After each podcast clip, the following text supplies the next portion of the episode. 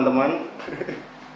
Kali ini kedatangan tamu spesial Bang Raga dari eh, apa namanya? Dari lulusan dari S2 Erasmus. Nah, ini jadi kita di sini nih pengen sharing-sharing nih intinya tentang, tentang pengalaman Abang Boleh. di, di Erasmus. Nah, mungkin bisa dijelasin Bang, gimana Bang? Pengalaman gue di Erasmus. Iya. Pengalaman. Dari, dari ini dulu dah. Dari? Dari intro dulu dah. Ngambil, ngambil apa Oh, dan kenapa iya, di Erasmus? Boleh, boleh, boleh. Eh, gue ngadep sana, ngadep sini sama aja ya. Aja. Eh, nama gue Aga. Iya. Eh, nama panjang mungkin nanti ada running text apa gue tahu. gue lulusan S1 di UPH, S2 Erasmus, S3 gue kebetulan baru kelar dari Trisakti. Oh lu ngambil di sini? Gue masih. Oh buset. Tapi gue tinggal baru sidang tertutup, jadi sidang terbuka rencana mungkin kalau nggak bulan depan September atau mungkin Oktober. Siap siap. S1 gue di UPH ambil Business Law, Hmm. S2 Commercial and Company Law, S3 kemarin disertasi gue sebetulnya kem- perkembangan apa pengembangan dari tesis S2 gue. Oh berarti itu tentang itu ya yang lu cerita kemarin? Gue gue tentang cross border merger. Oke berarti Gua- corporate law ya? corporate law. Cuma in practice kayak tadi kita udah ngobrol di Iya. bawah, gue kerja sampai sekarang Kebanyakan ini ya? Pidana ya? gue ngambil pidana. Case-case yang gue pegang sekarang kebanyakan pidana perdata. Kayak corporate sedikit banget. Oke mungkin sekarang cerita dari pengalaman S1 dulu kali ya? Boleh. Dulu gimana bang pas S1?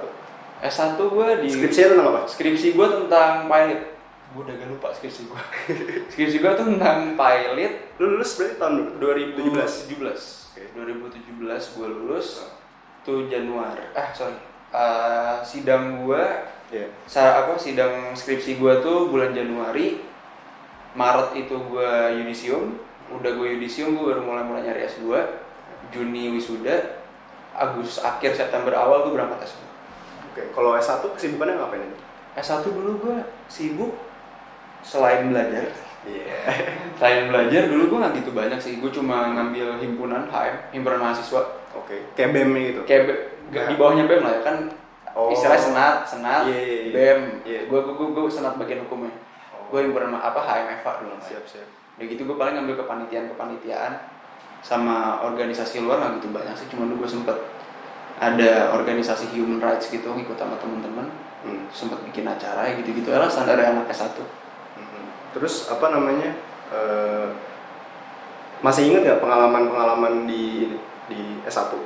Panitianya apa aja? panitia lebih ke panitia pan- panitia acara kampus sih ya Nah, kalau dulu gue nggak nggak yang kayak alsa gitu nggak gue enggak. paling Oh di UPH ada alasan juga? nggak gue nggak ikut sih Nggak ikut. gue ikutin teman-teman gue muting segala macam banyak cuma sama sekali enggak Oh. Jadi mungkin kalau pengalaman organisasi banyak kan lo deh kalau di S1 ya. Karena kalau kalau gue lihat baca-baca dia meeting segala macam sampai keluar. Iya. Enggak, gue penting. Gue gue lomba anak lomba aja sih. gua. Gue enggak. Terus eh, apa namanya? Eh, sekarang nih eh, berarti lulusan S2 kan Erasmus. Eh, kenapa milihnya di Erasmus dan kenapa ngambil ini apa tentang Komersial. commercial company? Kalau gue sebetulnya S1 emang gue tertarik kan bisnis law. Iya. Terus gue nyari-nyari kampus emang gue pengen di Belanda. Hmm. Tadinya gue tuh pengen Leiden. Iya. Cuma pas gue liat jurusan-jurusannya kok kayaknya Erasmus menarik. Spesifiknya komersial sama company law. Hmm. Terus gue lihat-lihat lagi, gue karena orang yang sebetulnya suka jalan-jalan, suka suka hiburan-hiburan lah. Gue lihat kota kalau Leiden tuh terlalu anteng menurut gue. Oh. Rotterdam tuh kota kayak kota agak gede. Iya. Gue juga ada ada faktor itu juga sih, nggak nggak sekedar faktor kampusnya doang.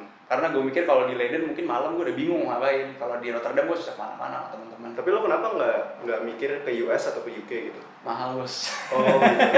gue mikir ke sananya juga mahal. Jauh beda ya? Jauh banget. Jauh banget. Gue dulu tuition fee nggak gitu mahal. Oh. Nggak, gue perlu sebut angka nggak tuition fee gue berapa? Bisa bisa dicek tuh di website Erasmus. nggak nggak nggak segitu tinggi lah. Ah. Nggak segitu tinggi. Tapi kalau dibanding US Dibanding US jauh, jauh. US, UK jauh. Terus Living cost juga ngaruh kan di sana. Nah, tapi EU mahal juga bos. Lumayan, cuma kalau lu bandingin Pakai- sama UK jauh. Iya sih. Jauh UK US jauh. Kalau di Belanda yang paling mahal biasanya gimana? Rent sama makan sih. Rent ma- oh. Rent sama makan. Hmm. Rent di sana rata-rata dulu gue ada yang 800, ada yang 500, cuma lu kalau misalnya rent 800 hidup udah enak lah. 800 ribu tuh udah enak makan juga lumayan Berarti lu di sana bener-bener sendiri gitu ya? sendiri Mandiri. ya mandiri mau sama siapa di sana Kirain ada keluarga. enggak gitu. cuma kebetulan nenek gue itu tinggal di Rotterdam Oh gitu. cuma gue nggak nggak ada kepikiran mau kuliah di Rotterdam karena nenek di sana Oh. tapi akhirnya gue juga rent tempat sendiri paling gue seminggu sekali seminggu dua kali nengokin nenek gitu sih Berarti oh berarti rumah nenek lu tuh lebih ini ya, lebih ke pinggiran gitu. ya agak agak pinggir gue agak dekat sama kampus akhirnya Tuh, tuh kampus Rotterdam biasanya di ini nggak? Apa namanya? Dia di kota atau di di kota kota Kota. di kota Berarti transportasi gampang lah ya. transportasi gampang di sana kan kita kalau Belanda terutama Belanda ya Iya. di yang paling di depanin kan sepeda Lu naik sepeda tuh? sepeda gue Waduh. ke mana-mana naik Sepedanya sepeda. Brom Brompton nggak ya? Kagak. Lo naik sepeda Brompton di sana dicolong ya kan? Iya. Di sana sepeda. Kalau sana mah yang penting ini aja utility aja. Iya, itu dia. Jadi sana sepeda juga mereka punya jalur aja, sendiri atau enggak ada apa tram ada tram ada kereta di sana public transportationnya memadai banget sih Iya. jadi menurut gua ke mana-mana gampang Terus eh, kan gua nih juga pernah nih di Mandiri juga gitu. Gua empat tahun di Jogja eh, sendiri. Terus gua dulu pas SMP juga pernah eh, sekolah sendiri di Australia untuk ngikutin abang gua tuh di belakang tuh. nah menurut lu nih sifat kemandirian ini nih itu tuh how much has it contributed to your growth as a person gitu? as a person gua tuh Secara individu dan Secara juga individu. secara karir gitu. ya kalau secara karir gue belum melihat sih Iya. tapi as a person gue ngelihat itu lu bakal ngelihat dunia lebih luas lagi sih Ah. karena dengan lo mandiri eh, lo itu dilepas gitu aja Hmm. banyak hal yang ngebuka diri lo terutama gue gue di luar di Belanda kemarin. Gue yang student di sana. Yang di, di, di kelas gue ya di kelas gue ya. Gue di angkatan gue kayak gue yang, student juga deh. Di teman-teman gue berangkat S2 gue paling muda. Eh enggak dia satu teman gue Iya. satu teman gue tapi beda jurusan. Hmm. itu di bawah gue setahun. Karena kebetulan dia kayak gue 95 harusnya lulus 2013 tapi dia 96 lulus 2013 Iya. ada kan gitu kan? Iya iya. gue di sana lebih ke nekat sih. Oh, jadi karena Mantep. karena karena karena karena karena karena karena bagus tuh. karena karena karena gue nekat gue berani berangkat ya itu ngebuat diri gue yang tadi karat apa sifat mandiri itu ngebuka diri gue kayak sebenarnya tuh bisa kayak banyak soalnya stigma stigma kayak S2 nih terutama S2 Iya.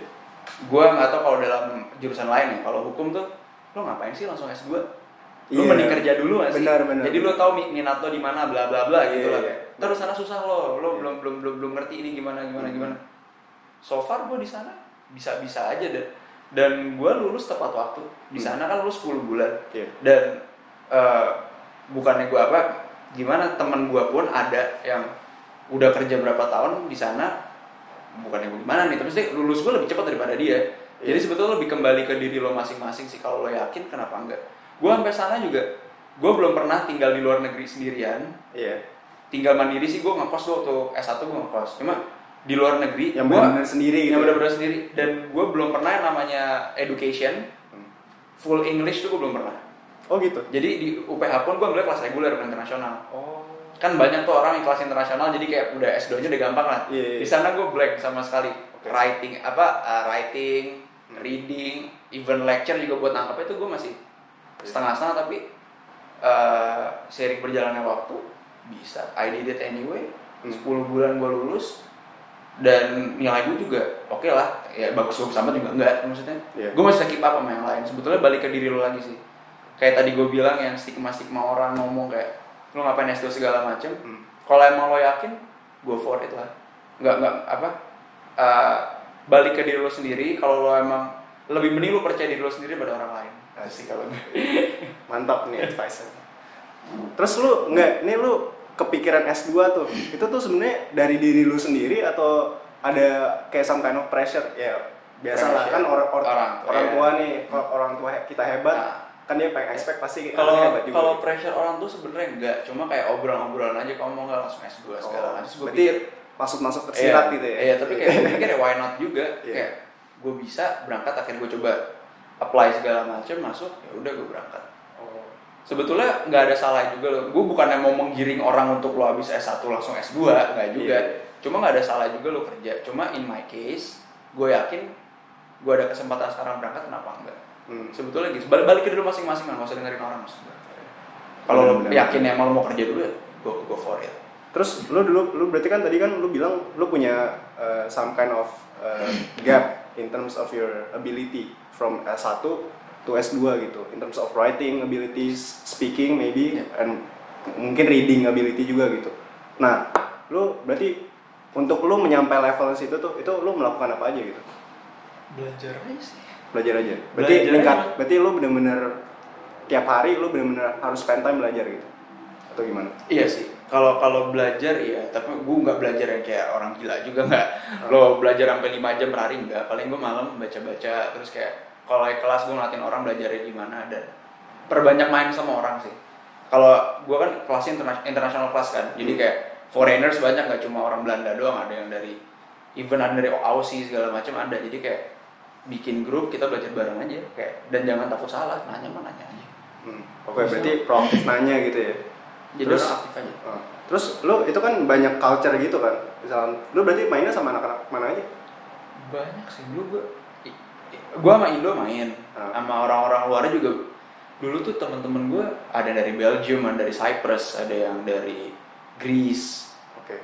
UK Liga internasional berarti ya? internasional teman-teman gue terus kayak nah di situ gue ngeliat kayak gue ini bener-bener yang ada di diri gue kuliah di luar tuh bukan kalau gue ya gue nggak tahu kalau orang lain mungkin yang saya yang pernah kuliah di luar juga Iya. Di situ lo ngeliat dunia lebih luas kayak man Iya. dunia tuh bukan Indonesia doang Soalnya lu dapat perspektif dari Benar. culture-culture lain gitu ya. Iya bumi atau dunia tuh bukan Jakarta doang, bukan atau Jogja doang atau Iya, dulu gue SMA di Magelang bukan Magelang Iya. doang jadi kayak Hmm. oh orang tuh kayak gini ternyata macem-macem jadi kayak lebih lebih kebuka lah pikiran gue sama ngelihat hidup tuh gimana. Hmm. Gue tuh lebih S2 yang berkesan di gue tuh di luar negeri menurut gue bagaimana gue melihat dunia daripada uh, ak- apa dari sisi akademik sih Oh. kalau gue. Oke, oke. Terus eh, kalau in terms of eh, eh, university-nya sendiri eh, itu environment-nya kayak gimana tuh di Erasmus? Environmentnya kan nih oke gue dari pengalaman gue sendiri ya nih even gue nih ya maksudnya UGM sekarang nih kan nomor satu nih tapi tuh even dalam environment kelas tuh masih banyak orang yang takut untuk proaktif gitu environment di sana sih Se- sedangkan kalau misal lu di dalam sebuah konteks kuliah gitu kan Hmm. itu kan harus ada apa namanya diskusi nggak? Yes. diskusi itu yang paling bagus Yes.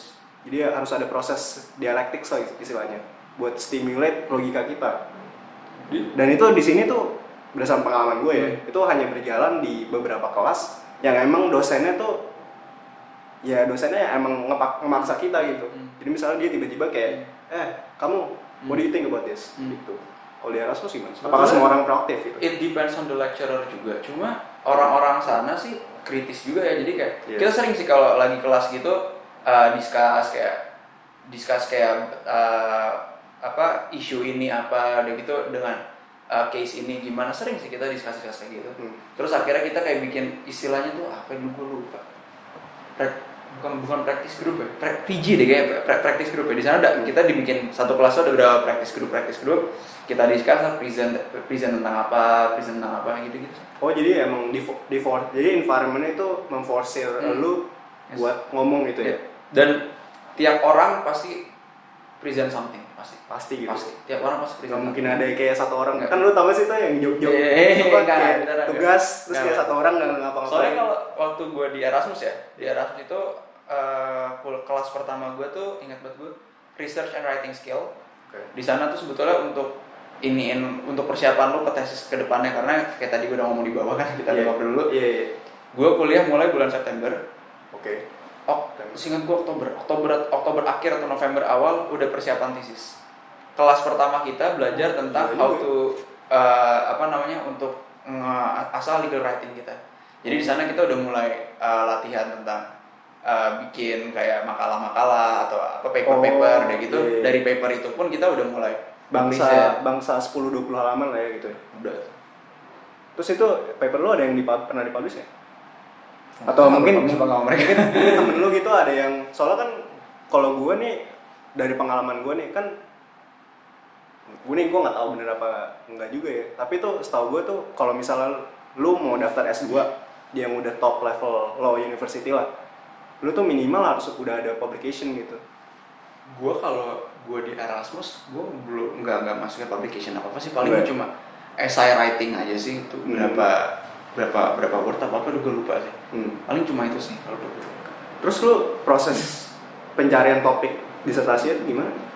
gue banyak diskusi terutama gue kan eh, banyak teman-teman gue yang Indonesia juga tentang apa yang udah praktisi lah Hmm. jadi gue nanya-nanya kira-kira isu apa yang bisa gue angkat akhirnya kemarin gue angkat isu cross border merger di sana itu Hmm. sih Oke. soalnya menarik aja buat gue untuk eh, perbedaan yang ada di eh, EU sama di Indo Oh lu berarti komparatif itu gitu? komparatif nyari gampang juga bos Iya. iya. Kalau gua kalau gua rada curang dikit sih. Gua topik lomba, gua jadi skripsi. ya, why not kan Iya. udah udah ada kan udah dari sana Iya. tuh. Jadi itu ya buat temen-temen Iya. yang apa kebingungan nyari apa disertasi atau topik skripsi, nah bisa ikut lomba. Iya. Dan menurut gue pribadi kalau emang apa ya skripsi em, yang bagus oke, cuma jangan nyusahin diri lo sendiri lah. Iya, itu penting sih. menurut gue karena temen gue yang uh, waktu gue S2 di luar ada yang akhirnya stuck sama thesis dia sendiri karena emang dia tuh sebetulnya lebih ke ambi. Gue gue pengen thesis gue benar-benar bagus segala macam tapi akhirnya dalam ngolek data dan lain-lain Berarti sampai. berarti dia ini ya, berarti dia pencampuran antara normatif sama empiris. Iya itu empirisnya like itu sih. something like that lah, ya makanya. empirisnya itu sih emang bikin ribet. Kalau memang menurut lu nggak visible nggak usah dipaksain. iya benar. menurut gue gitu sih. At least kita prak, ya praktikal juga lah ya, jangan terlalu ambisi. Nah, gue mau nanya juga nih bang, Eh, perbedaan penulisan skripsi sama disertasi itu itu di mana tuh beda itu? apa ya kalau kayak kalau dulu gue kemarin karena uh, sistemnya beda sih gue Iya. waktu skripsi dulu kalau nggak salah minimal gue 40 halaman atau 60 gue lupa deh. Skripsi? skripsi ya singkat Oke. gue gue lupa Iya. dan uh, kalau di sana kan kalau di luar tuh ada kayak semacam turn it in kan kayak lo kelihatan Oh. plagiarism segala Iya, macam iya, maksimal berapa persen dulu kalau gue di S1 nggak nggak terlalu nggak terlalu saklek lah sama itu Hmm. dan di S2 gue Bener-bener Yang- ini banget, gencar banget. saklek banget dan yang namanya thesis gue itu lebih harus lo harus concise 12.000 words 12 maksimal itu berapa maksimal tolerance-nya itu 10% which du- 12.120 lama?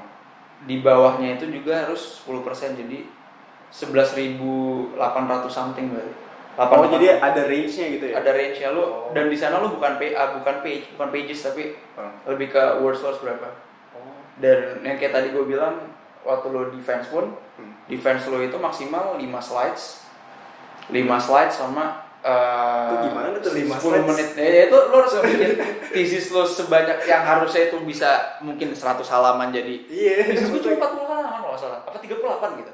Karena Tapi kita mainnya analisis semua. ya itu ya harus harus gue bikin concise harus benar-benar ya inti gitu intinya aja lo masukin. Akhirnya di sana gue juga belajar ya lu dalam menumpahkan sesuatu lu nggak harus banyak a i u e o nya udah lu.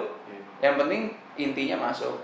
Hmm. itu itu sih gue di sana belajar uh, untuk bisa ngambil hal-hal yang benar-benar penting untuk lo tumpahin dalam satu wadah.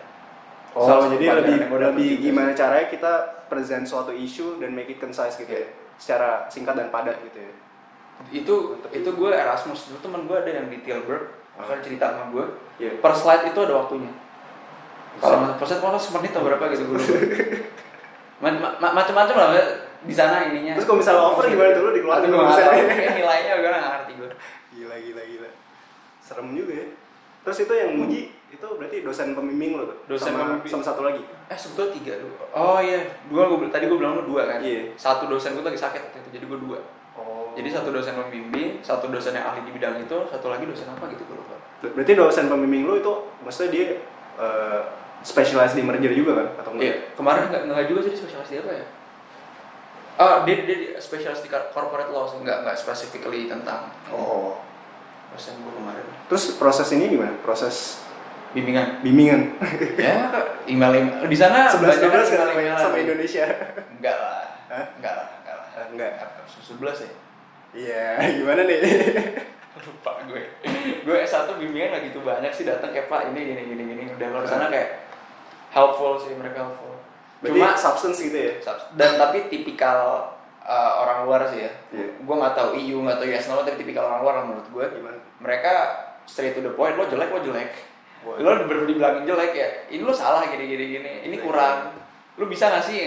Tapi mereka tuh ngomong kayak gitu ya buat buat buat konstruktif emang emang buat kita. Setuju. tapi ya jangan take it personal aja misalnya lo misalnya kuliah di luar ntar ketemu dosen ini don't take it personal mereka juga kayak gitu as a professional aja Jadi tip kedua, kalau misalnya mau S2 di luar negeri jangan baper. Iya.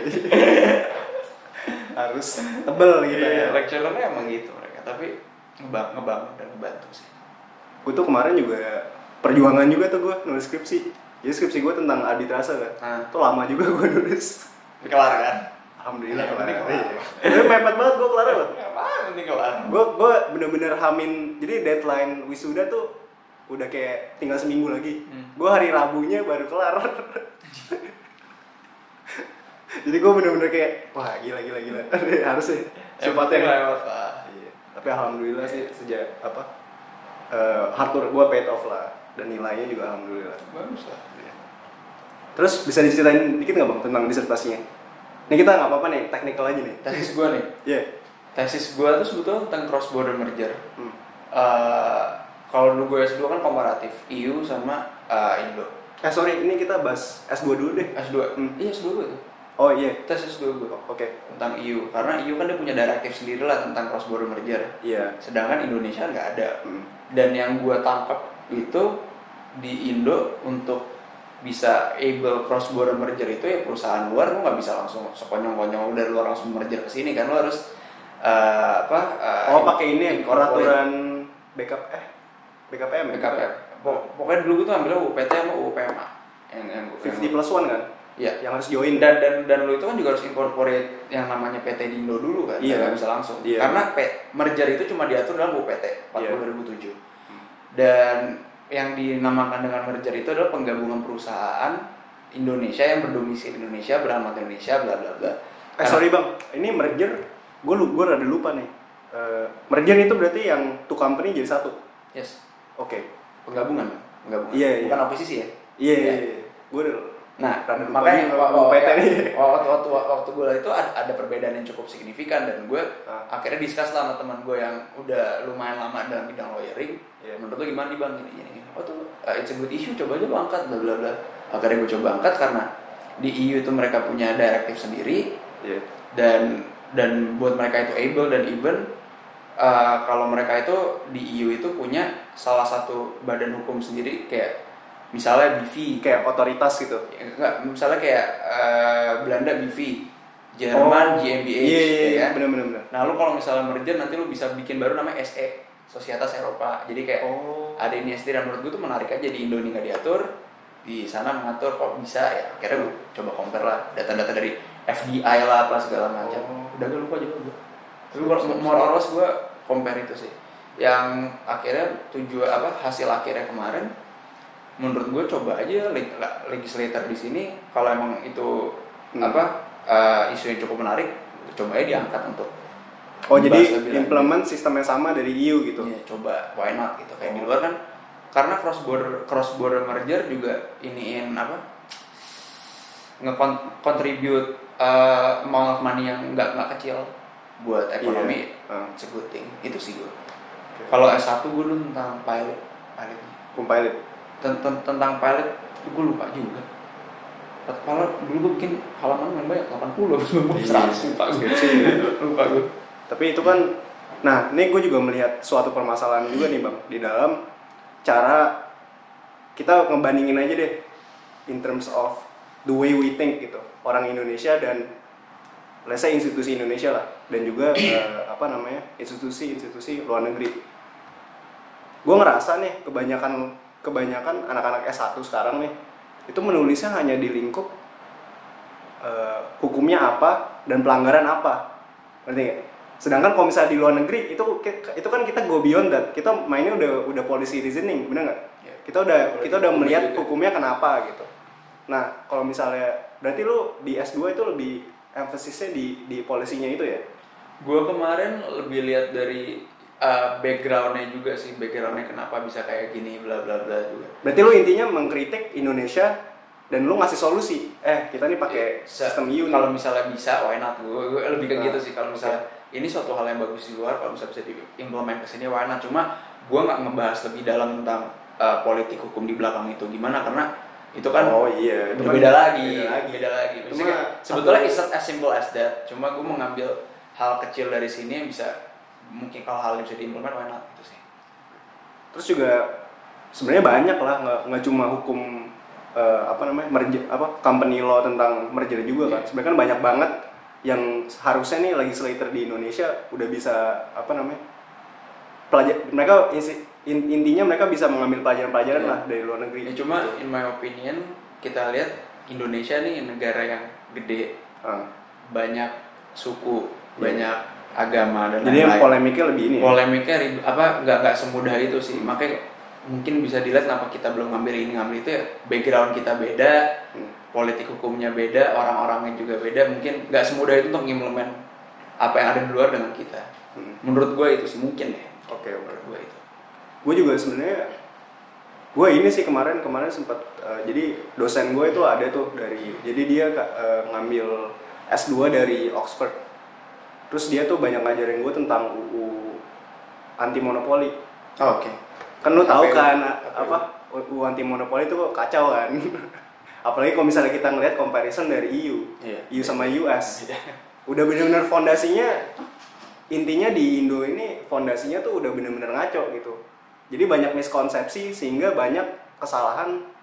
Ya gue nggak mau bilang dari pihak KPPU-nya cuman dari ot- otoritas eh, dalam mengimplementasi hukumnya gitu nah kan harusnya nih kan kita kan mencontoh apa yang sudah hebat misalnya kayak Apa yang baik, eh, apa, apa yang baik? Iya apa yang baik, lu iya. ambil gitu kan. Nah, Iya. Misalnya di US EU mereka udah Iya. develop hukumnya, ya kenapa nggak implementasikan di sini gitu? Ya kayak tadi gue bilang sih background kita beda, Hmm. politik hukumnya juga beda. Iya. Dan Jadi nggak sesimpel itu ya? Dan menurut gue nggak sesimpel itu setelah kayak contoh gue udah kerja sekarang, apa yang kita pelajarin di kuliah Oh, sama iya, apa di iya. lapangan tuh nggak semudah itu. Banyak lah faktor-faktor yang Jadi mungkin lebih ke faktor lingkungan juga Iya, gitu itu ya. faktor lingkungan faktor ada politiknya juga lah gitu lah nggak Pasti. nggak nggak bisa kita pungkirin gitu. Ya. Jadi kita mau idealis juga, ya gitulah. Terus eh, apa namanya bang? Eh, sekarang abang nih udah baru kelar S3 gitu ya? Ba- ya sebetulnya gue sih Wisudanya kapan? Wisuda gue masih masih masih tahun depan nih kayaknya Oh. soalnya gue belum sidang terbuka juga Oke. cuma kan Eh, sudah once kan dua kali berarti? sidang Hah. empat kali bos Wah, eh sidang empat kali bos.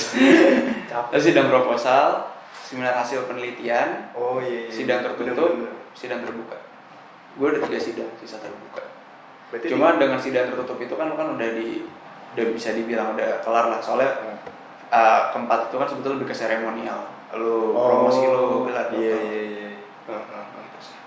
Terus eh, itunya tentang apa? Penelitiannya? penelitian gue membangin dari yang kemarin aja Berarti yang, ini? tentang cross border Oh. cuma kemarin gue kembangin lagi tentang cross border merger di tingkat ASEAN Oke. kalau kemarin gue. Indonesia kalau sekarang gue ASEAN sama uh, apa Uh, oh enggak sorry sorry gue gue bukan komparatif lagi gue cross border merger tentang ASEAN Hmm. gue kembangin dalam perspektifnya AEGC kemarin Itu apa tuh AEDC? ASEAN Expert Group on Competition. Jadi Oh. kayak sebetulnya uh, lebih ke ini ya uh, hukumnya tuh nggak sekedar corporate law doang itu itu kan hubungan internasional juga antara Oh, antar negara. banyak polemik lah ya. Banyak polemik lah. Kayak tiap negara punya kepentingan sendiri-sendiri. Iya, pasti lah. Something kita gue gue Geopolitik lah ya. Gue gue gue bawa ke sana juga. Oke. Tapi ya ba- basicnya itu dari tesis gue. Karena gue mikir daripada gue pusing-pusing nyari judul lagi udah pernah gue bikin aja dan udah cukup gue pahami. Akhirnya gue kembangin. Oh. Gitu sih. Terus apa namanya? Berdasarkan riset lo nih, apa yang lo temukan? Yang gue temuin sekarang karena Garis besar aja. garis besarnya ASEAN itu sifatnya non interference apa mereka mereka itu punya prinsip dasar atau uh, uh, ide ideologi dasar kali ya Uh, itu tuh non interference principle jadi mereka tuh nggak mau mengganggu kedaulatan negara Oh masing-masing, iya, ya gue kan? tahu, Tahu kan itu gue tahu, gue tahu. dan dari AEGC itu sendiri dia itu punya uh, sifatnya itu tuh non binding jadi kayak cuma guidance guidance saja gue bikin ini Oh. lu dari tiap negara terserah deh mau lo anut apa enggak. Iya, iya, iya. Sedangkan kalau dari goal yang gue mau harusnya itu ada itu ada bisa strict gitu ya. ada ada something yang bisa uh, nge- apa namanya eh, agar tiap negara tuh harus comply sama itu. Oh, Tapi iya, iya, iya. sekarang ya masih belum. Berarti mirip-mirip kayak di EU gitu ya? Cuma karena agak berlawanan sama prinsip dasar itu sebetulnya kalau sekarang. Oh. non apa dengan non interference sama hal yang gue mau kalau bisa itu ya mereka ngebikin something yang bisa ngikat semuanya lah. Oke, oke. Terus recommendation lu apa? Rek- Ngebuat rekom- ini?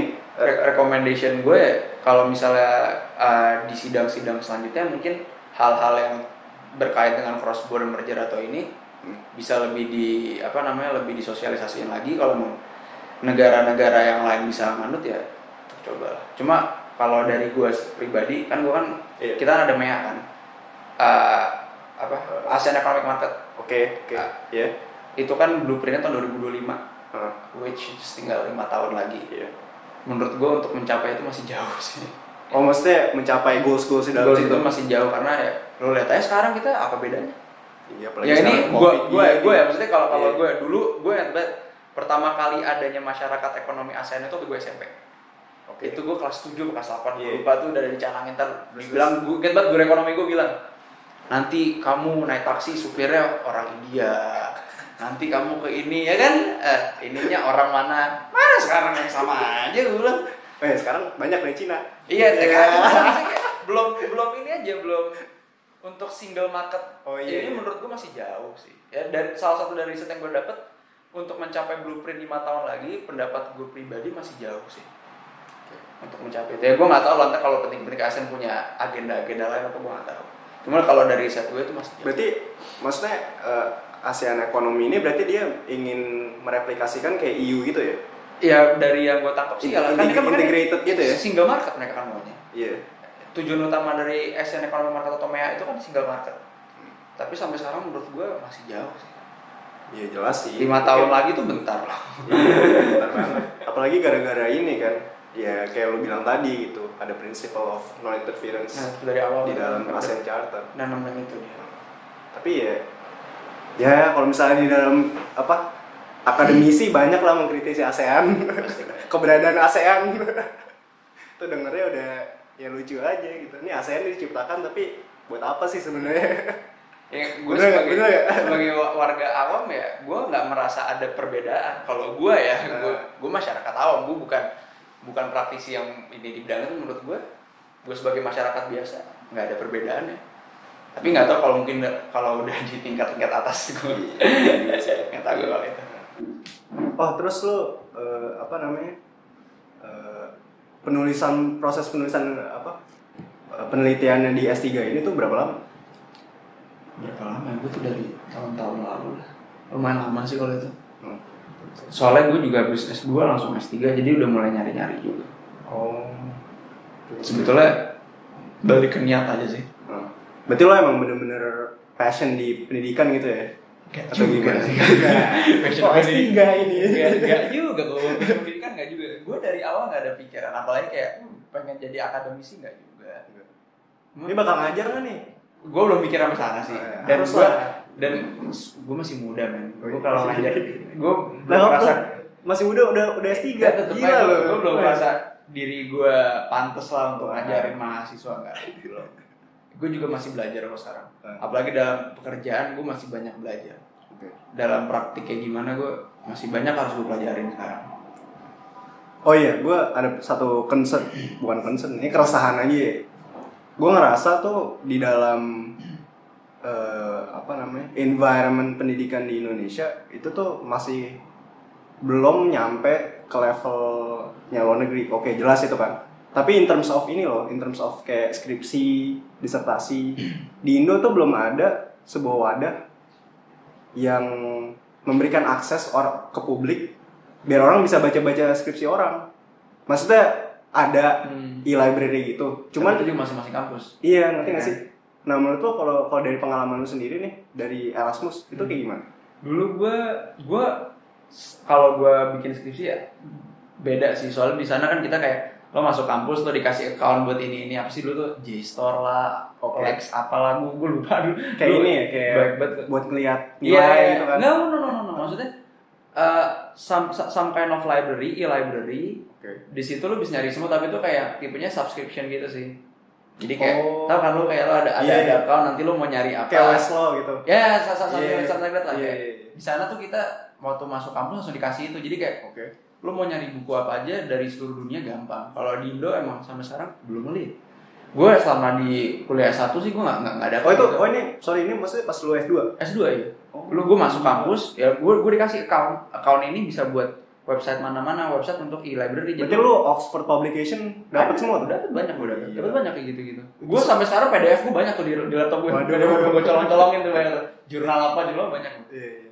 Itu emang ini banget sih, itu kendala banget sih. Iya. Apalagi kalau misalnya lu risetnya udah masuk ke level-level internasional ya. Untuk nyari itu kan lu juga dan berbayar gitu ya sih. Iya. Di sini kayaknya orang nggak tahu ya, mungkin daya, daya tarik juga ya. Hmm. Daya tarik orang untuk Membaca tulisan ilmiah itu masih membaca kurang tulisan ya. itu dan untuk ada wi apa willing untuk uh, spend uang untuk subscription gitu nggak semua orang mau mungkin di sini. Ya, Mungkin faktor ekonomi juga Faktor. kali. Dan background orang juga maksudnya kayak bukan background apa ya? Keinginan orang itu sendiri. Nah. Wi uh, latar belakang orang-orang kita tuh tipikalnya mungkin dibilang malas milenial malas kan. Lu gak bisa milenial malas kan. Iya, Iya, bener juga. gue gue gak bilang gue rajin gue juga tipikal orang yang malas mungkin gue orang yang lebih apa yang ada di depan gue harus gue kelarin Oke, tapi males S3 ini. Iya, gue gue gue orang yang rajin malesnya tinggi deh. gue orang yang rajin Standarnya tinggi gue orang yang rajin cuma gue orang yang harus yang ngelarin apa yang ada di depan gue harus gue kelarin itu sih Siap, siap, siap. Oh ya, lu sendiri, lu tuh tipe orang suka baca nggak? enggak Nggak, oke. Tapi in terms of kayak hukum itu gimana? gue lebih orang yang lebih suka apa ya gue tipikal gue tipe orang Iya. yang eh, kayak nganalisa doang sih kayak apa sih Oh. tuh istilahnya orang apa sih tuh yang lu diem doang langsung ngeliatin apa tuh kok gue gue juga paling blank Introvert.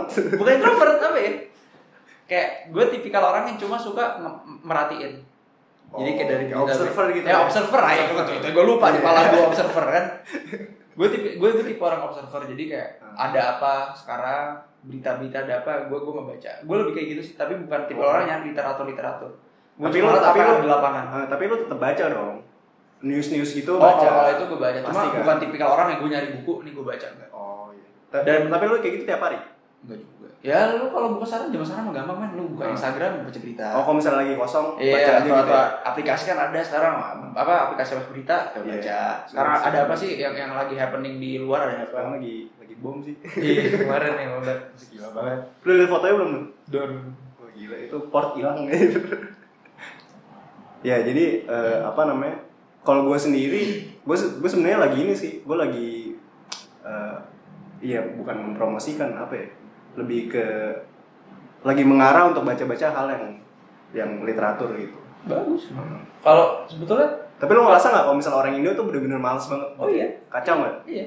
Dan kalau gue pribadi, gue orang yang malas buka buku, tapi gue kalau dari gadget gue ya. Jadi kayak PDF gitu lah ya PDF gue orang dalam dalam tesis satu buku pun gue ada. Ada sih kayak satu dua tapi maksudnya kayak buku minjem kayak buku, buku minjem iya. gue oh masa buku yang yang lu baca beneran nggak ada gue. Gue bener-bener PDF semua lah PDF semua dari jurnal tipikal orang anak muda sekarang kali ya. iya nggak apa-apa tapi kan yang penting baca kan Iya, yang, yang penting baca. Jadi even literatur gue tuh kebanyakan online. Jadi kayak kemarin dari banyak jurnal-jurnal itu kan gue apa jurnal bayar kan jadi kayak bukunya juga full book segala macam banyak kayak gitu. Gue bukan tipikal orang yang buku banyak gue buka salah satu sih. itu gue sering banget tuh riset. Misalnya lagi lagi lomba nih riset terus kehalang aduh harus bayar. Ya gue harus riset ke cara-cara lain lah kayak misalnya kayak ya website website gitulah ya tau kan lu? Itu sakti sih website sih. Tapi emang kalau di UGM nah ini di UGM eh, di ini gue ya alumni gue itu rada aneh juga sih dalam artian eh, kita tuh dikasih akses akses ke Westlaw gitu Hmm. cuman kayak peng- rate penggunaannya itu tuh kayak rendah banget gitu Balik ke orang-orang ya lu kalau nggak bisa bohong lah kalau sekarang anak-anak kuliah S1 Hmm. belum terlalu mikirin kayak gitu-gitu lah. Hmm. Mereka mikirnya masih gue kuliah yang penting kelar. Iya. Orang orang tua gue seneng Hmm. terus cari duit gitu terus cari duit kerja udah sekarang gitu uh, stig stigmanya di apa di di lapangan lah kebanyakan orang-orang bukan yang pengen emang Hmm. bener-bener pengen baca dan orang juga sekarang nggak nggak semua orang ngambil hukum karena emang dia pengen ini di Iya. hukum loh sebenarnya Nggak ya juga. nggak yang nggak bisa dipungkiri lah Iya, banyak orang nggak, ngambil hukum gara-gara faktor ini kan ekonomi juga kan Dan ada juga yang, yang ini gue masuk hukum kenapa? Gue nggak mau ngitung kan. ada kan yang kayak gitu. Kayak lu masuk hukum namanya, gue ngitung kan. Kan itu jadi kurator ngitung Iya, juga makanya. Jadi itu balik ke orangnya masing-masing sih. Kalau Iya. misalnya oh Bisa ini deh kita kita bandingin deh sama temen-temen lu dari S2 gitu itu gimana gue otomatis ngikutin sama environment sana sih yang even waktu gue di apartemen gue lu banyak nggak jarang sih kalau misalnya ngekos iya ada nggak sih namanya study room kalau di kos kos gue sih nggak ada ya. Mau kosan atau tapi hotel biasanya apa? ada biasanya ada. Ah, tapi bener-bener study room dan itu penuh. Orang belajar tiap hari. Gila juga ya. Gue waktu di Belanda tuh bener-bener berkesan buat gue ya. Yang namanya study room penuh. Selalu? Tiap hari penuh. Gila. Sampai jam 2 jam 5 tuh masih ada yang belajar. Dulu gue zaman zaman kayak ujian apalagi uh, Pasti lah. exam week exam Iya. week gitu.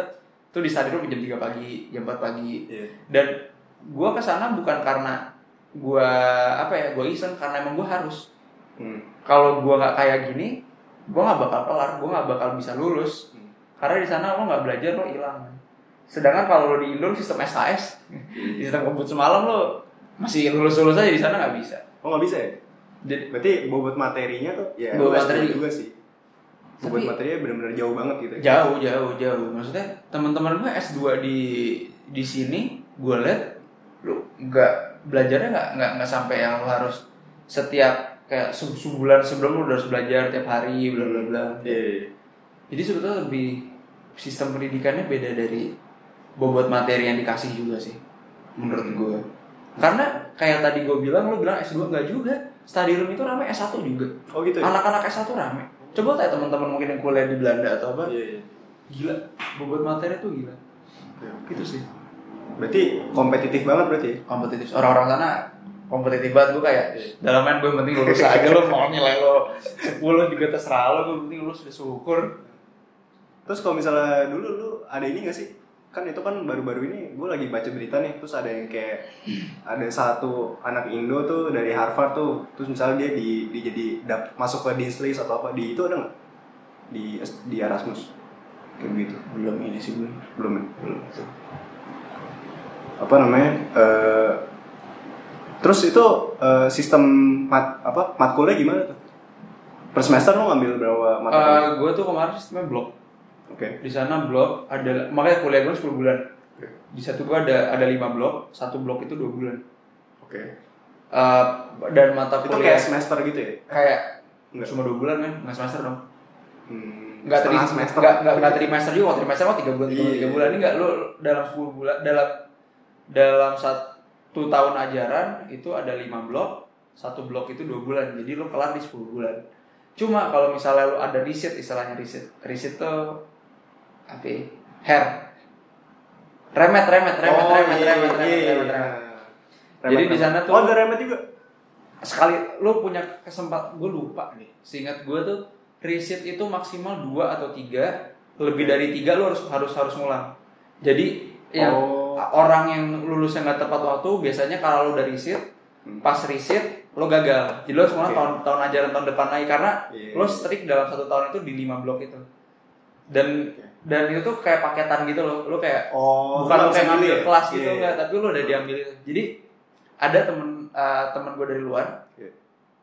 dia itu gagal di blok kelima oke which, berarti yang which itu bulan terakhir Bulan terakhir, oke blok kelima riset gagal iya udah gitu eh uh, uh, uh, exam gagal riset gagal lagi akhirnya dia harus ngulang tapi ikut di blok lima berarti tahun depan tahun depannya itu yang yang agak-agak nyesek kayak gitu-gitu tuh ternyata.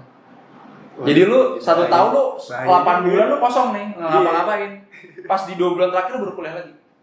oh gitu sistemnya ya. Itu agak-agak berarti itu yang riset itu berarti itu kayak semester pendek gitu ya Enggak. Atau, eh apa remedial doang Oh kalau kalau risetnya, risetnya cuma remet doang.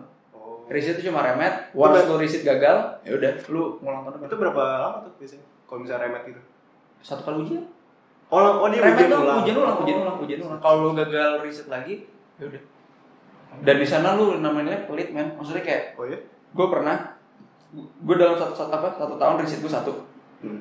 gue udah kelar di defense iya gue teman-teman gue selamat ya LLM LLM belum men gue masih tadi shit gue bilang.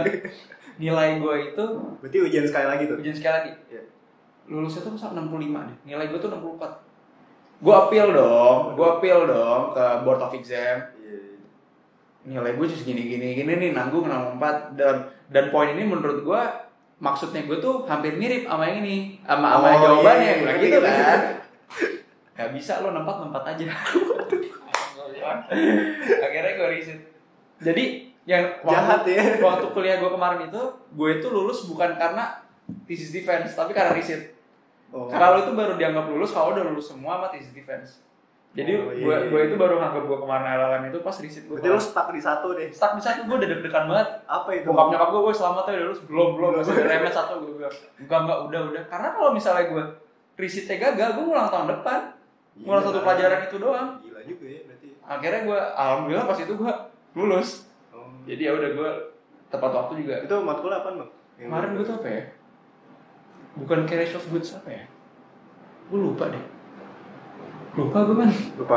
lupa gue apa ya lupa gue Kalau misalnya ini matkul favorit lu apa? Kalau misalnya pas di S2. Eh, ICG ICG. International Corporate Gover- Governance Oke. itu menurut gue seru tuh karena di sana gue belajar Delaware segala macam Oke. Itu tentang apa tuh? Bisa ceritain dikit tentang eh, bagaimana cara apa nge-manage apa corporate governance yang baik sih lebih gitu sama lu di situ belajar kayak eh apa gue lupa gue belajar apa Berarti itu dari aspek ini ya, dari maksudnya eh, kebijakan gitu. Dari apa? Dari perusahaannya atau dari perusahaan dari perusahaannya apa sih Berarti lebih ke internal gitu. ya? lebih lebih lebih ke internal sama eh dulu gue anjing gue lupa belajar Gimana nih, Bang? apa lagi? pelajaran yang sebetulnya gue tangkap tuh oh yang Pelajar pelajar oke, pelajaran yang paling memorable, Ya, all of memorable. time. eh, of time. kalau Apa? carriage of goods Oke. itu Apa itu? commercial law commercial law gua gua kira dulu waktu gua mau kuliah commercial law itu gua belajar tentang hukum perusahaan lah atau Oke. tentang transaksi-transaksi merger apa Iya, apa iya. ternyata commercial law itu gua belajar tentang shipping yang di mana tuh di luar Kok jauh ya? di luar ekspektasi gua nih apa sih Berarti lu istilahnya? CISG gitu tuh belajar? banyak belajar gue kayak makanya gue di situ gue baru tahu yang namanya apa sih FOB Iya, iya. terus apa lagi tuh banyak lah. banyak ada- CIF lah Iya, apa itu gue iya. belajar di situ gue kan Kan itu kan CISG kan jadi kan punya termnya sendiri iya kan. itu gue belajar di situ gue makanya gue bilang Berarti L- S1 LC gitu-gitu lo katam lah ya. apa apa ngerti ngerti gue makanya dulu gue waktu S1 gue nggak belajar itu Oh, lo nggak belajar? nggak nggak nggak belajar gue nggak nggak ada di ini Sama sekali? nggak belajar gue nggak tahu makanya pas gue S2 ini bener-bener di luar yang gue tahu Soalnya itu kan trade apa lebih ke international trade trade, law, kan. trade law. Iya. Emang gue kayak ini gue pelajarin apaan sih gue? Makanya gue bilang gue modal nekat di sana. Sampai sana gue belum mulai dari nol lagi. Gue bener-bener ngejar apa yang harus gue kejar. Sama akhirnya dulu ada sampai oh gue sempet belajar eh, company law. Company law itu ternyata gue belajar tax law dan di situ gue belajar tax law Pajak. pajak. Di baca saya gue belajar namanya NPV. Terus Aduh, itu itu net present value. Iya, iya, iya. Itu gue belajar yang ini apaan yang finance law gue kayak Iya, itu yang itu ada ya? rumus-rumus Iya, ya, iya. ya Allah ini apaan gue bilang salah masuk jurusan gue Iya, iya. tapi untung gue ngejar waktu itu itu gue juga mati-matian tuh gue belajar Hmm.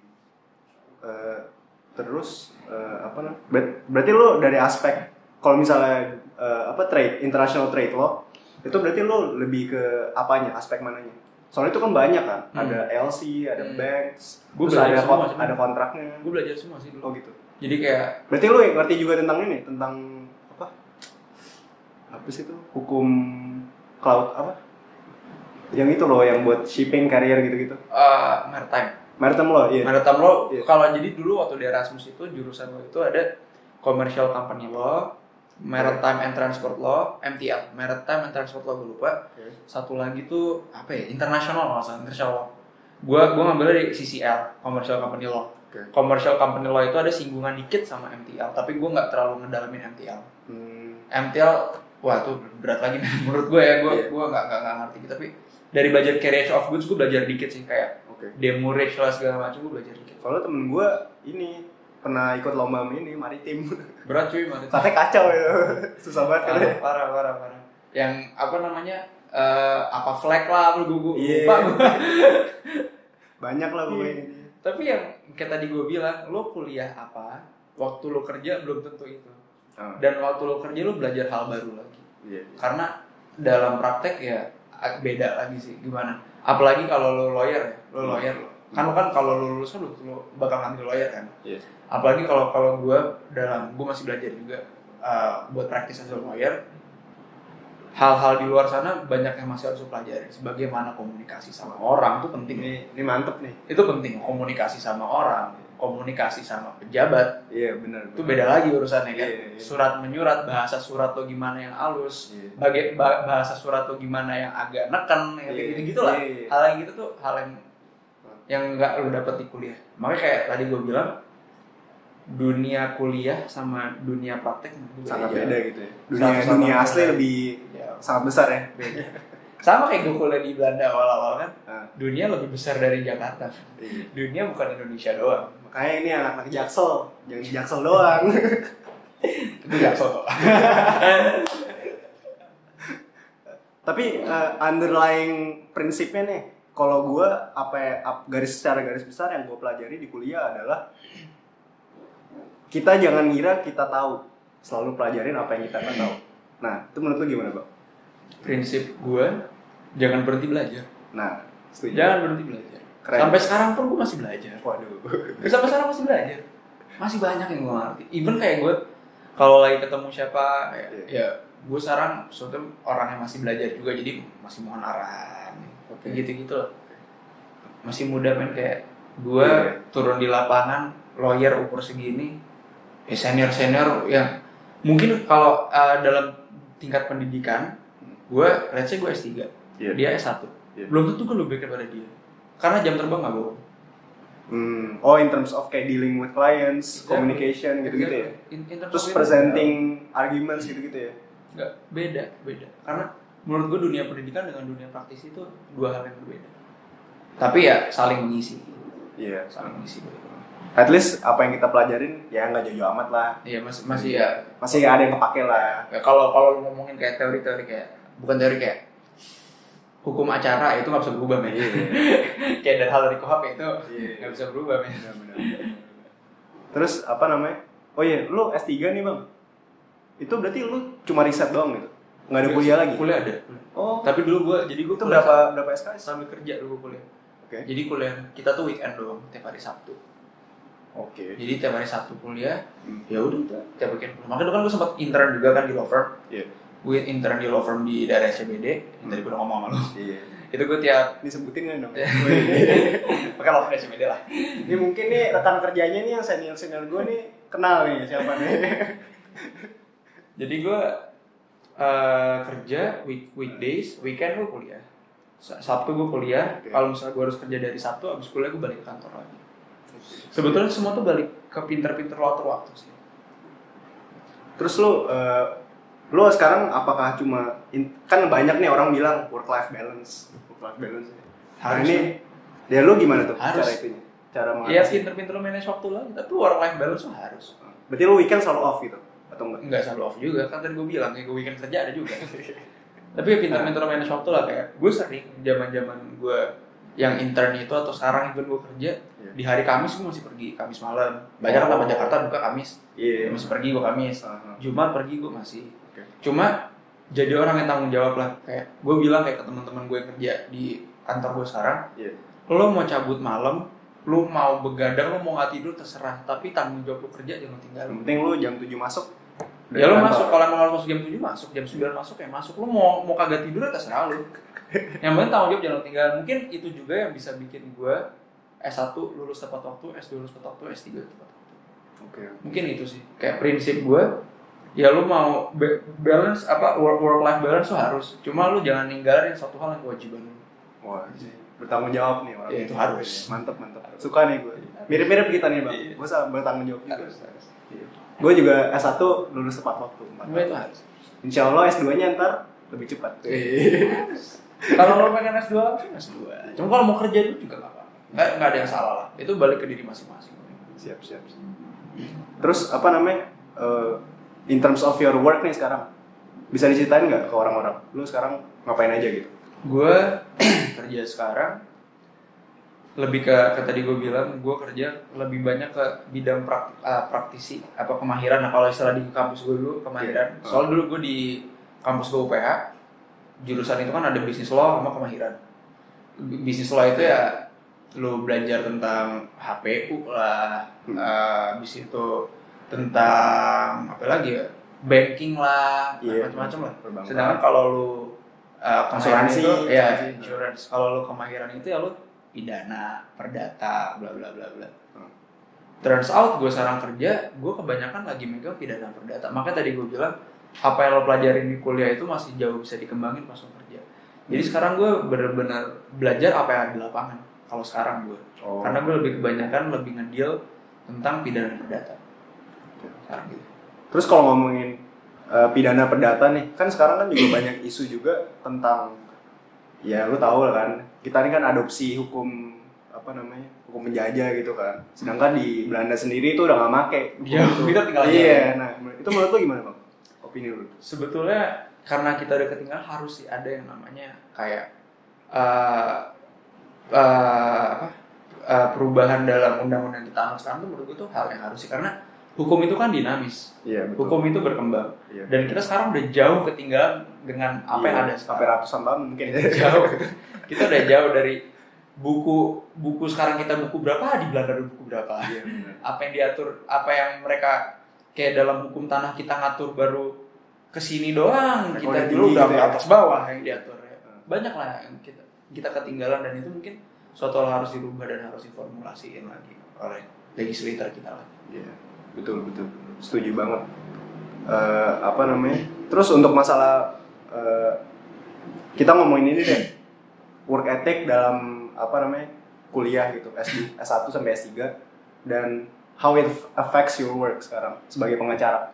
Nah itu eh, bisa, gue bisa kong, eh, ini nggak konklusikan nggak kalau misalnya dari apa yang lu ciptakan dari tadi nih, lu kan orangnya bener-bener tanggung jawab dan juga uh, punya work ethic ya punya work ethic yang bagus ya.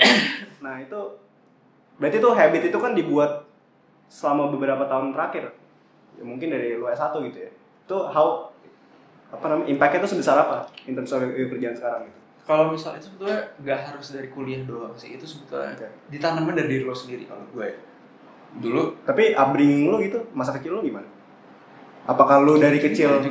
Hah? ya gue orang yang gini-gini aja cuma nggak apakah ada masa kecil dari dari ortu lu apakah dia udah instill a sense of responsibility di lu nggak juga sebetulnya itu kemauan gitu ya kesadaran kesadaran diri sih karena menurut gue orang sepintar apa pun kalau dia nggak tanggung jawab atau nggak disiplin ya disiplin dalam beberapa hal Iya. apa sebenarnya disiplin dalam semua hal sih seharusnya Iya. cuma kalau in terms of kerjaan kan kayak disiplin tepat waktu disiplin dalam ngerjain suatu pekerjaan dan lain-lain Hmm. Itu kembali ke diri lo sendiri dan kalau misalnya orang sepintar apa pun kalau nggak punya hal itu menurut gue susah sih Oke. dalam hal pekerjaan karena let's say kayak eh, ini in terms of kerjaan ya lo janjian sama klien Iya.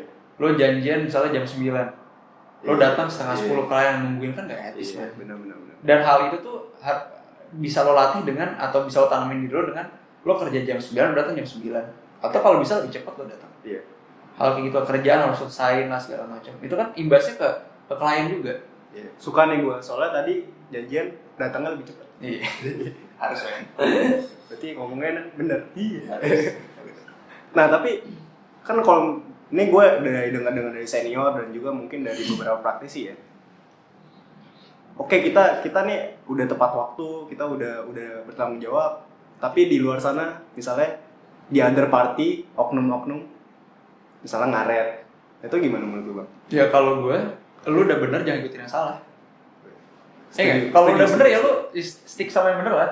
Mereka mereka nggak bener lu jangan ikutin. Kalau istilahnya, let's say nggak apa itu dalam dalam terms waktu ya. Iya. Ya lu udah bener ikutin yang salah. Let's say kalau misalnya dalam pekerjaan, Iya. counterpart tuh balas surat tuh berantakan. Oke. Dan counterpart tuh ngegiring lu dalam pola pikir yang salah. Lu jangan mau kegiring sama pola pikir yang salah, lu stick sama lu lah. Berarti Let's dia say- punya prinsip lah. Prinsip lu punya prinsip. Kayak misalnya dalam hal eh, pidana, misalnya sidang. Nah, Lu udah bikin pledoi nih. asik. Lu udah bikin pledoi. Iya. pemikiran lu begini, Iya. eh, pendapat hukum lu begini, direplik sama eh, JPU Iya. sama penuntut. Hmm.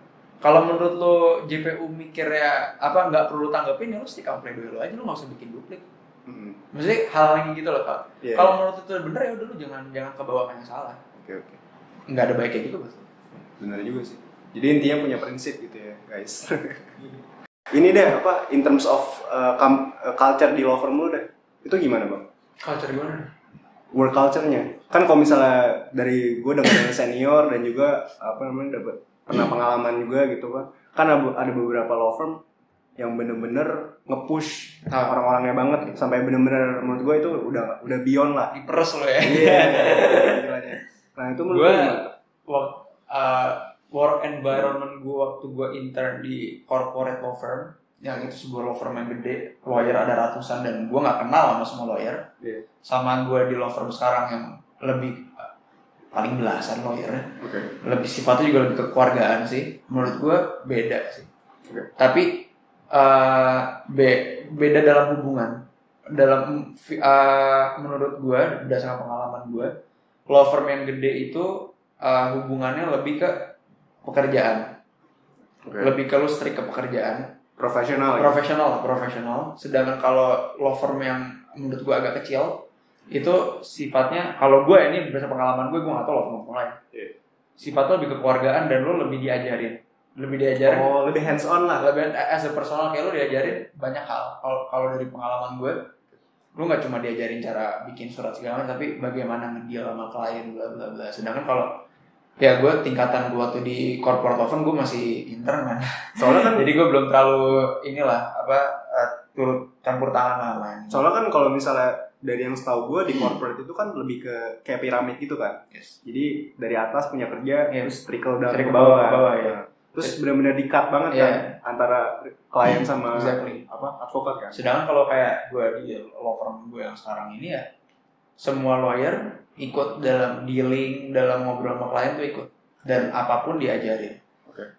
tapi plus ya plus plus minus lah kalau gue dulu di law firm corporate teman gue banyak banget kayak Oke. gue kenal banyak orang dan gue mungkin ya kayak in terms of kan kalau dulu di law firm gue tuh ada banyak PG kan Oh iya, group. dispute Iya, lah benar. dispute ntar ada Banking. banking Hmm. uh, real estate apalagi sih M&A bla bla bla jadi kalau di situ exposure gue lebih kebuka dalam hal berbagai uh, dari PG itu gue bisa belajar sama orang lain kayak Hmm. lu nanganin apa sih bla bla bla sedangkan kalau di sini kan ya lingkupannya ya apa yang lagi kita pegang aja cuma Oh, iya. cuma di sini lu lebih banyak belajar dengan lu diajarin lu diarahin. Oh, jadi gue bilang ya plus Oh, in terms of ilmu. Hmm. Berarti lu most of the time di uh, corporate law firm itu tuh lebih belajar sendiri semuanya gitu. Yes. Karena di sana gue di corporate law firm zaman dulu, gue kebanyakan kayak, gak, lo riset ini dong, gak lo riset ini dong. Akhirnya gue belajar sendiri. Kayak, Iya. kalau dulu anak-anak teman-teman gue misalnya bagian M&A ya, Iya. ke BKPM pagi-pagi, Iya. kan nanya-nanya, bla bla bla. Itu kan kocak ada kocak juga sebenarnya sih. Gue dengerin pengalamannya bisa ya. kayak ngambil antrian jam setengah enam. Tapi tuh, tapi tuh harusnya ini gak sih? Harusnya udah udah online kan harusnya kan? Udah nggak perlu kayak gitu-gitu Gak lagi. kalau sekarang. Kalau waktu angkatan gue ini teman-teman gue masih BKPM pagi-pagi di sana nanya apa bla bla Ya, terus ngantri gitu kan. dulu gue waktu gue di corporate firm gue berapa kali sempet kayak ke kementerian apa kementerian apa untuk Riset. riset even lu gue pernah ke Polda ketemu ini ketemu orang apa ketemu di reskrim sus lah segala macam lah gue riset riset riset kalau sekarang ya gue belajar di depan mata kayak klien klien tuh gini gini loh orangnya ada tipikal Oh, klien yang iya. kalau cerita tuh Lebih ke ini ya, interpersonal Iya, gitu. kayak klien ada yang cerita tuh bener-bener struktural. Ada klien yang muter aja, nah di mana lu belajar cara lu bisa ngangkat Sortir, dia iya. dan dan ngebikin yang dia sampaikan itu ya bener-bener concise gitu gitu Dan lu juga lu juga belajar bagaimana caranya uh, nge-formulate questions yang emang sesuai dengan apa yang lu butuhkan. Iya. Bener ya? Exactly. Terus uh, apa namanya? Lu ini nggak pernah ada pengalaman kocak nggak pas lagi ke BKP, BKPM atau mana gitu? Gue BKPM belum pernah. Dulu gue, oh dulu gue waktu mau Soalnya gue kan pernah denger cerita-cerita juga kan. Oh. Kadang-kadang tuh yang penjaga-penjaganya itu suka apa informasi-informasi kurang lah gitu. Oh iya dulu kalau gue dulu dilempar sana lempar sini sih waktu gue dulu ingat gue mau riset tentang IDERA Oke. pesawat Oke. Yang gue blend itu apa IDERA apaan gue baca baca dulu nih apa sih? Akhirnya dulu gue ke kementerian apa ya? Berarti lu ke kementerian yang ngurusin pesawat. Menhub nggak salah gue lupa kementerian apa dulu gue Iya, iya. gue udah ke kementerian ini udah. Oh enggak mas. Di sana. Akhirnya gue ke bagian dinas apa. Oh enggak mas. Balik lagi ke sana. Ternyata beneran di situ tapi di lantai berapa? Sampai sana orangnya nggak ada. Akhirnya gue pulang. Nah gitu gitu Itu lu, lu berarti benar-benar sometimes harus research satu hari full gitu ya buat riset gitu. ya, setengah hari lah satu hari buang waktu kan dimarahin juga ada senior gue lu ngapain mau aku seharian setengah hari lah segera dari pagi ntar sore udah balik kerja lagi gitu, gitu. Lu pernah ini nggak? Pernah nginep di kantor?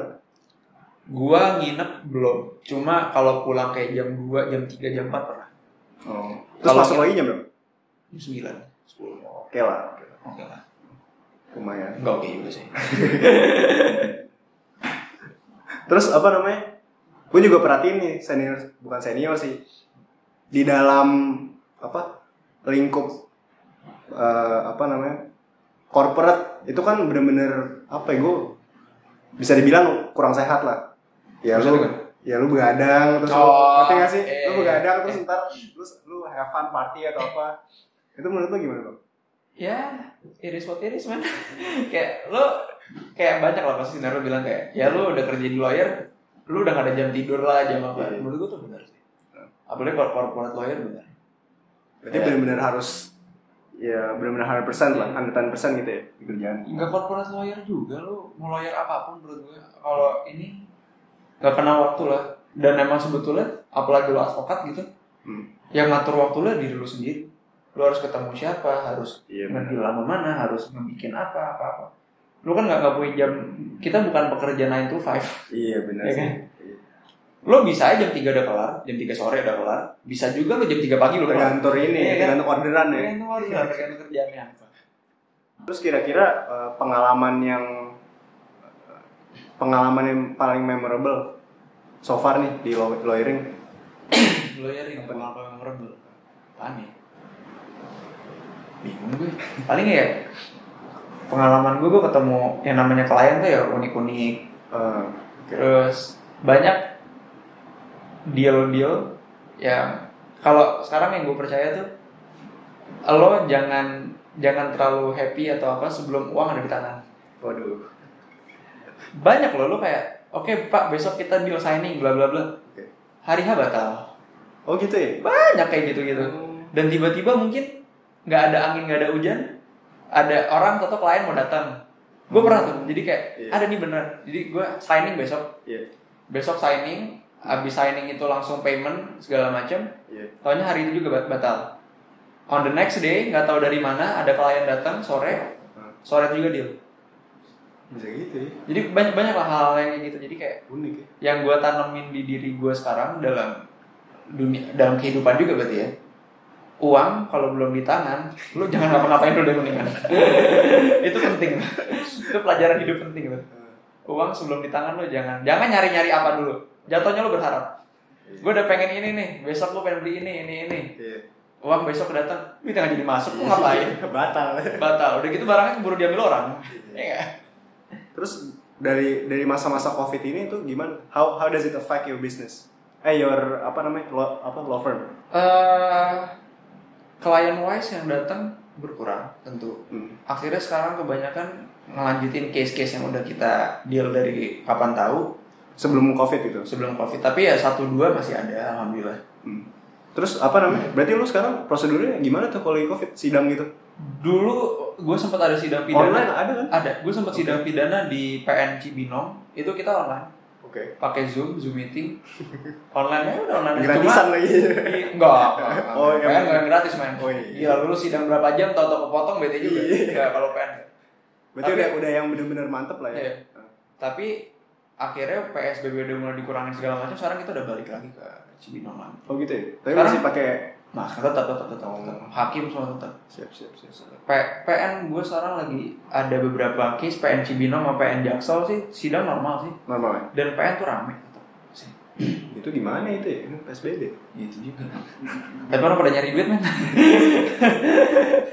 Faktor ekonomi lebih tinggi daripada kesehatan. Susah. Tapi emang kacau sih sekarang bang. Bener-bener Yang penting lay jaga. off banyak banget kacau ya. Parah. Kemarin juga apa sih tuh? Gojek juga sempat lay off banyak orang kan? banyak lah nggak. mau usaha kecil gede semua kena Oke. Kecuali usaha-usaha e-commerce. Wah, Itu lagi thriving gila banget ya. Oke. Kemarin gue sempat ini juga ngobrol-ngobrol tentang temen gue yang anak eh, apa? Jadi dia punya restoran gitu lah di Dharma Wangsa gitu. Jadi intinya tuh eh, sebagai pebisnis kita tuh harus benar-benar formulate bisnis model kita biar dia keep up dengan situasi-situasi kayak pandemi ini contohnya gitu. iyalah harus kreatif sekarang Iya benar sih kreatif. Em, apa lagi? ya? Mungkin ada yang mau ditambahin kok? gue tambahin apa ya gue tambahin Hah? ya kayak tadi gue bilang paling Oh pesan-pesan mungkin gue mungkin tips and tricks atau Ah, kuliah gitu. S2 S3 Eh, tips and trik kuliah apa ya Eh, work hard eh, work, work hard play hard. Kebiasaan korporat kayak gini deh. work hard play hard dulu ya. work life balance itu harus menurut gue terus tanggung jawab sama apa yang lo kerjain apa yang ada sama diri lo sekarang. Kalau emang lo pengen apa apa tepat waktu dan itu juga lo lulus tepat waktu lo ngebanggain orang tua lo kan? Iya. pasti lah. Tapi lo juga nggak mau dengan lo eh, be- apa kuliah atau belajar terus kan nggak mau bikin lo stres juga kan Iya. makanya balance tuh harus Balance, cuma balance. lo yang tahu kapasitas diri lo Se- sejauh mana lo bisa banyak main sejauh mana lo harus bisa belajar harus self aware lah ya gitu. self aware tuh harus Hmm. sama kayak tadi gue bilang jangan dengerin orang lain itu boleh cuma jangan terlalu jangan terlalu itu sampai ngelawan apa yang lo yakinin kalau lo yakin ah ya udah lo ikutin aja karena gut feeling itu penting Oke, siap. Iya, Wih, Berarti punya prinsip. Punya prinsip. Iya. itu sih Oke. Oke deh. eh, ini paling ntar eh, dikat aja. Oh, gue pengen ada pertanyaan lagi. Satu. Ini tadi gue lupa nanyain. Lu dulu pas daftar S2 gitu, itu prosesnya gimana? online semua Online gitu ya? online semua online Soalnya gue gue kan ngeliat ini kan, gue ngeliat proses pendaftaran Harvard kan. Hmm. Itu ribet banget ya. Harus bener-bener lo harus ke lembaga ini buat di apa? Misalnya Gak tau gue lo nggak gitu ya? Gak tau temen gue dulu NYU Dulu temen gue terima banyak NYU habis itu apa lagi apa sih itu yang di ini yang terkenal juga gue lupa Di Amerika. di, US Hmm. temen gue terima UPenn NYU Oke. lagi ya? anjing gue lupa deh eh pokoknya kampus-kampus kampus-kampus top tier lah dia dia dia keterima tapi setahu gue dia kayak online submission semua deh Oh gitu ya. nah, Berarti Kalau dulu- scan langsung itu. ya kalau dulu gue ya gue yang penting gue kemarin IELTS Hmm. gue udah ikut IELTS which itu gue urus sendiri kan IELTS nanti Itu- udah itu hasil IELTS berapa? dulu gue tujuh Tujuh. eh rata-rata tujuh Oke. minimal semuanya enam Oke. kecuali writing enam setengah Oke. Tapi minimal lu tujuh. Jadi kalau misalnya ada minimal lu tujuh tapi writing lu di bawah enam setengah lo nggak terima misalnya Hmm. jadi kalau kemarin tuh gue udah bikin I, apa uh, IELTS sudah recommendation letter gue minta dari kampus. Eh, apa namanya? Eh, recommendation letter udah essay writing udah. Udah lu submit tau nah Ah, kalau Erasmus recommendation letternya minimum bro. Recommendation recommendation letter gue tuh kemarin ada dua kalau nggak salah Oh. satu itu dari Dari yang Erasmus sendiri ini nggak? Dia minta requirement nggak? Misalnya lu minimal harus lima gitu. Enggak sih kemarin gue cuma dari Dean sama dari employer nggak usah lupa. Oh. Lupa. Cuma ya tiap kampus requirement beda-beda lah kan. Lo nggak bisa nyamain Erasmus sama Harvard. Ah, iya benar benar. Beda. Kalau itu kemarin gue baca Harvard katanya minimal lima sih. Ya apa? Bikin. Iya gila banget maksudnya kayak. Ya lah. Cuma sekarang online enggak? Kemarin tuh gue sempet riset kan. Jadi itu sebenarnya iya online bener. Nah. Cuman yang apa namanya? eh, jadi misalnya lu ada ijazahnya nih, itu tuh harus dikonvert dulu pakai lembaga yang udah certified dari univnya gitu. Ngerti gak bang? Dan itu mahal, harus ngirimin paket misalnya ke lembaga lembaga ini Singapura terus bisa berapa juta gitu. Ya. Kayak gitu. Mau kuliah di tempat mahal, modalnya gede. Emang Iya, gimana? nggak sih? Harvard tuition fee-nya gila man. Gue Iya. ngecek juga kemarin. Ah, Satu apa. mobil ya. Berapa puluh ribu ya? Cepet. Lupa. Kayaknya kayaknya 20-an ya. Masa enggak kemarin 80? Satu semester maksud gue. Oh iya makanya Iya. semester kan kemarin gue semester 80 apa cepet gitu kayak Totalnya, oh totalnya ya. iya kayak buset Gila juga ya. apa cuma kalau bisa dapat eh, scholarship not ya kan Lu kemarin coba ini apply scholarship. Soalnya waktu gue mau apply scholarship lagi lagi nggak buka, gue harus tunggu tahun depan. Oh. Makanya gue akhirnya pakai biaya sendiri. Oh iya iya iya. Kalau kalau gue mau scholarship, gue harus nunggu tahun depan. Terus kayak menurut gue satu tahun lama men. Gue pengennya langsung. Iya sih. Dan ada kesempatan juga bisa berangkat. Berarti lo kemarin daftarnya di mana aja? Pas S2?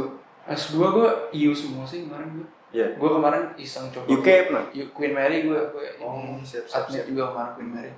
Terus apa lagi? Beberapa. Berarti lo daftar banyak gitu lah ya? Terus banyak gue Groningen juga gue daftar. Masuk. Nah, akhirnya gue gak Erasmus. Oh, siap, siap, siap. Eh, Oke, eh, semoga eh, konten hari ini bisa bermanfaat buat teman-teman eh, lulusan hukum di sana eh, yang ingin mengikuti S2 di luar negeri. Bisa, semoga ini bisa provide some, some kind of insight juga tentang pengalamannya Bang Raga di Belanda dan semoga kontennya eh, bisa memberikan eh, banyak ilmu lah gitu. Oke, thank you.